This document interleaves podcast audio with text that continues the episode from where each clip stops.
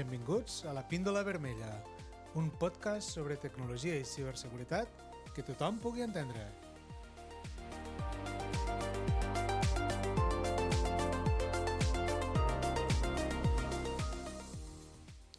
Recordeu els anys 90? Aquella dècada en què si volies parlar amb algú agafaves este trasto que es dia telèfon fixo i marcaves? Sí, sí, marcaves com qui juga a la ruleta russa, esperant que l'altra persona estigui a l'altra banda. I si no estava? Pues, paciència, ja tornaràs a trucar més tard. No hi havia esta cosa dels missatges instantanis, eh, com WhatsApp, Telegrams, eh, Signals, etc. Si algú no responia, no et preguntaves si t'havia bloquejat o si simplement no volia saber res de tu. I parlant de trastos, vos recordeu quan volíem escoltar música? Agafaves un Walkman. Sí, sí, un Walkman. Com si caminar, ser persona i escoltar música estiguessin relacionats d'alguna manera. I posaves un casset. Ostres, i si volies canviar de cançó? bueno, pues rebobinaves o avançaves, com que juga a endevinar, no? Dir, si ja està la cançó que vull escoltar, ja ni parlo dels bolis Vic i els cassets, no? Vull dir, aquells que tingueu una edat ja sabeu a què m'estic referint. I ara, mireu-mos, en estos mòbils que semblen naus espacials, no? En la pantalla tàctil, internet i tota la informació del món disponible quan vulgues. Ja no has d'esperar setmanes per a una carta, ni trucar a ta iaia per a saber com se fa una truita de pataques. Ho busques a Google. O, millor encara, li preguntes a esta assistent virtual que ho sap tot. Tot i que a vegades també se li l'olla, com a tots natros. I esta cosa del núvol no és un núvol de veritat, eh? No esperigues que plogues si poses totes les teues fotos allà. És com un calaix màgic on guardes coses i després les pots agafar des de qualsevol puesto. El que vull dir en tot això és que hem passat d'un món on tot era més manual, més físic, a un món on tot està digitalitzat. És més ràpid i més accessible. Però en essència, la nostra necessitat de comunicar-nos, compartir i aprendre no ha canviat. Només les eines. Així que ja podem riure-nos d'este canvi tot el que vulguem, però en realitat mos va molt bé. I si alguna cosa no mos agrada de la vida digital, pues, com dia aquell, si no t'agrada, no mires. Este podcast se diu La píndola vermella, per aquella escena de Matrix quan Morfeo li dona la famosa pastilla Neo, que per a que sàpiga què és Matrix. Ja sabeu, Matrix uh, ho has de viure, no t'ho poden explicar. Ja saps, uh, en aquell cas, Neo vivia dins d'un món completament digital i Morfeo l'allibera per a que sàpiga què és el món físic. Natros, per sort, de moment vivim al món físic, però en els últims anys el món digital ha pres més rellevància a les nostres vides. Així pues, què és la vida digital? La vida digital se refereix a l'existència i interacció d'individus dintre d'aquest món virtual, facilitada per dispositius electrònics i xarxes com internet. Això ho inclou tot, des de la comunicació per correu electrònic interacció a les xarxes socials, compra en línia, hasta la gestió de les finances i el treball en entorns virtuals. Si pensem en com era la vida a principis dels 90 del segle passat, podem veure diferències molt grans, abismals. Mirem estos sis punts. La comunicació. Abans, per a comunicar-te en algú que visqués a lluny, t'enviaves cartes, no? I aquestes cartes podien tardar dies o setmanes en arribar. Ara, en un clic, envies un correu electrònic o un missatge instantani i arriba en segons o inclús menys, no? La informació. Si volies investigar un tema, jo crec que tothom té l'experiència d'haver anat a la biblioteca i buscar enciclopèdies que segurament en quan l'estaves consultant ja estava desactualitzada no? o buscar i demanar consell a experts si tenies la sort de conèixer algun. Avui en dia, moltíssima informació està al teu abast en una simple búsqueda a Google o al teu buscador preferit. No? Uh, sobre l'entreteniment, cassets, vinils, VHS, qui se'n recorda dels beta? Eren la norma. Bueno, el hipsterisme fa que els vinils estiguen tornant, això sí. Ara, en serveis com Netflix, Spotify o Filmin o YouTube, tens accés a un univers d'entreteniment a demanda. Uh, la fotografia. Uh, bon recordeu quan anàvem al fotògrafo a comprar carrets de fotos? De 25, de 30, dels que siguen, no? De color, de blanc i negre. Quina ISO vols? Havien de comprar els carrets disparant cuidado perquè, claro, no volien malgastar. Els carrets costaven una pasta. Revelar i esperar a veure com havien quedat les fotos. Avui, en les càmeres digitals i els mòbils que tenim, podem fer milers de fotos, veure-les al moment i compartir-les al mateix instant. Això porta a altres problemes, com és, per exemple, l'espai que necessiten per a guardar-les. Però bueno, això ja en parlarem un altre dia. Um, el comerç. El comerç, la compra en línia era impensable. En realitat ni tan sols sabíem què era, perquè no s'havia ni tan sols inventat. Si volies un producte, havies d'anar físicament a la botiga. Avui, amb el comerç electrònic, pots comprar jo diria que quasi qualsevol cosa des de la comoditat de casa teua i fins i tot últimament pues, ja t'ho porten a casa, no? En serveis com Globo o aquí als Estats Units on estic jo, amb DoorDash. Vull dir, pots comprar menjar fet i ja te'l porten a casa directe. I, I per últim, la internet de les coses. Abans els objectes eren simplement per això, objectes. Avui sembla que tot el que tenim hagi de ser intel·ligent, smart. Eh? Tenim neveres que ens avisen quan s'acaba la llet, rellotges que mesuren la nostra salut, a veure si respirem bé o no respirem bé, i termòstats que aprenem dels nostres hàbits.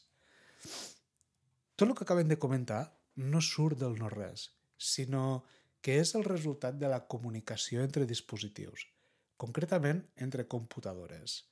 I aquesta comunicació no hagués sigut possible si no hagués sigut per internet. I associat en internet trobem conceptes com el núvol, navegadors i correu electrònic. Però, però, però què són totes aquestes coses? Què és internet, per exemple? Comencem per aquí. bueno, internet és una xarxa global d'ordenadors que estan connectats entre ells. Um, Imagineu una ciutat on cada casa està connectada en altres a través de les carreteres i els carrers, no? En aquesta analogia, els carrers són les connexions i les cases són els ordenadors. Gràcies a estos carrers podem transmetre informació entre els ordenadors, telèfons intel·ligents, tauletes i, i altres dispositius que tinguem. El núvol, um, en anglès és el cloud computing, el núvol l'hem d'imaginar com, com un almacén virtual a internet.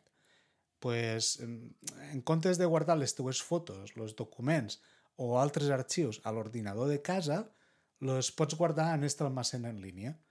Com ja sabeu, el principal avantatge que és que pots accedir als teus arxius des de qualsevol puesto i qualsevol dispositiu. Això sí, sempre i quan tingues connexió a internet. A més, també serveix com una còpia de seguretat en el cas de que el teu dispositiu, el teu ordinador, el teu mòbil, la teva tablet, el que sigui, se faci malbé, se perdi, lo roben o qualsevol història, no? Um, els navegadors d'internet. Els navegadors d'internet, pues la veritat és que no són res més que programes que utilitzes per a poder accedir a internet. Um, funcionen com una finestra des de la qual pots veure i pots explorar diferents puestos que s'hagin posat a disposició de la web. Tots coneixem navegadors d'internet. Uh, per exemple, estic segur que tothom coneix el Google Chrome, el Mozilla Firefox, el Safari d'Apple, no? l'Edge de Microsoft, entre altres. Gràcies a aquests navegadors podem buscar informació, veure pàgines web, veure vídeos, escoltar música i moltíssimes altres activitats en línia. I el correu electrònic, per acabar en aquests quatre punts que estem parlant, no? Què és el correu electrònic? És com una carta, bueno, en realitat seria com una postal, però en format digital. En comptes d'enviar una carta de paper per correu tradicional, el que estàs fent en realitat és escriure un missatge electrònic que s'envia a través d'internet. Uh, el correu electrònic, què és el que et permet? Pues, bueno, comunicar-te amb altres persones enviar i rebre pues, documents, fotos, altres arxius de manera ràpida i prou eficient. Uh, qui més qui menys tothom té un compte de correu de Gmail, Yahoo o Hotmail, eh, per ser els més populars, entre d'altres. Ja hem estat parlant d'ordenadors i de mòbils, però, però en realitat, què són els ordinadors i què són els mòbils? Si vos dic que en realitat són el mateix, què passa? Me creureu? A veure, un ordenador. Què és un ordenador? Un ordenador és un dispositiu electrònic que està bàsicament dissenyat per a poder processar informació, executar programes i guardar dades. Uh, N'hi ha de diferents tipus. Tenim ordinadors de taula, tenim ordinadors portàtils, tenim servidors, entre molts altres. Normalment tenen una gran capacitat de processament i d'emmagatzemament. Generalment disposen d'un teclat físic més gran, una pantalla més ampla i freqüentment se connecta a altres dispositius com, per exemple, impressores o discs durs externs. En aquests dispositius els hi direm perifèrics. Um, un mòbil o smartphones, anem a dir smartphones perquè mòbils com els Nokia ja no n'hi ha, on queden molt poquets en tot cas. Pues bueno, un mòbil és també un dispositiu electrònic, però de tamany més menut i dissenyat per a ser portàtil i multifuncional. Tenen pantalla tàctil, càmeres, micròfonos i altres sensors. Funcionen en una bateria que és recarregable i generalment se connecten a internet a través de xarxes mòbils o wifi. Al igual que un ordenador, pots escriure, pots guardar dades mmm, i tenen una gran capacitat de processament. Així que, com podem veure, són, en essència, la mateixa cosa. Bé, tant l'ordenador com el mòbil són computadores. Sí, sí, tal qual. Un mòbil és una computadora menuda que portes a la butxaca. És un ordenador petitet que dus a la butxaca.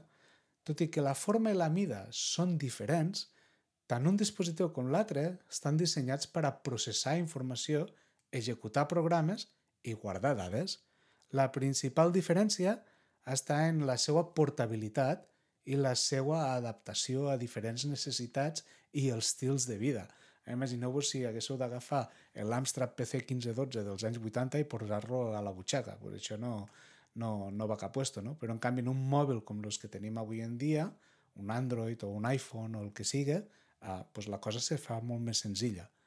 Imagina que tens una biblioteca a casa teua. Això seria l'ordenador, no? En pots llegir, escriure i investigar. I ara imagina que tens un petit llibre de butxaca que pots portar a tot arreu i que, pues bueno, de forma sorprenent, conté tota la informació de la teva biblioteca. Això seria el teu mòbil. Tant la biblioteca com el llibre de butxaca contenen llibres o informació, però estan dissenyats per a ser utilitzats en diferents situacions. En resum, tant l'ordenador com el mòbil són màquines computacionals. La seva funció principal és processar i gestionar dades. La principal diferència està en la seva forma, mida i la manera en com els utilitzem en el nostre dia a dia. Amigues i amics, persones tots, així arribem al final d'este primer capítol, d'introducció a la nostra vida digital. Hem anat junts des dels nostres records dels anys 90, en els seus Wallmans i telèfons fixos, hasta els mòbils intel·ligents i el misteriós núvol d'avui en dia. Com diria el nostre estimat Pepe Rubianes, pedazo cambio, nen. Però recordem, al final, el més important no són els dispositius ni les aplicacions, sinó les persones en qui compartim estos moments.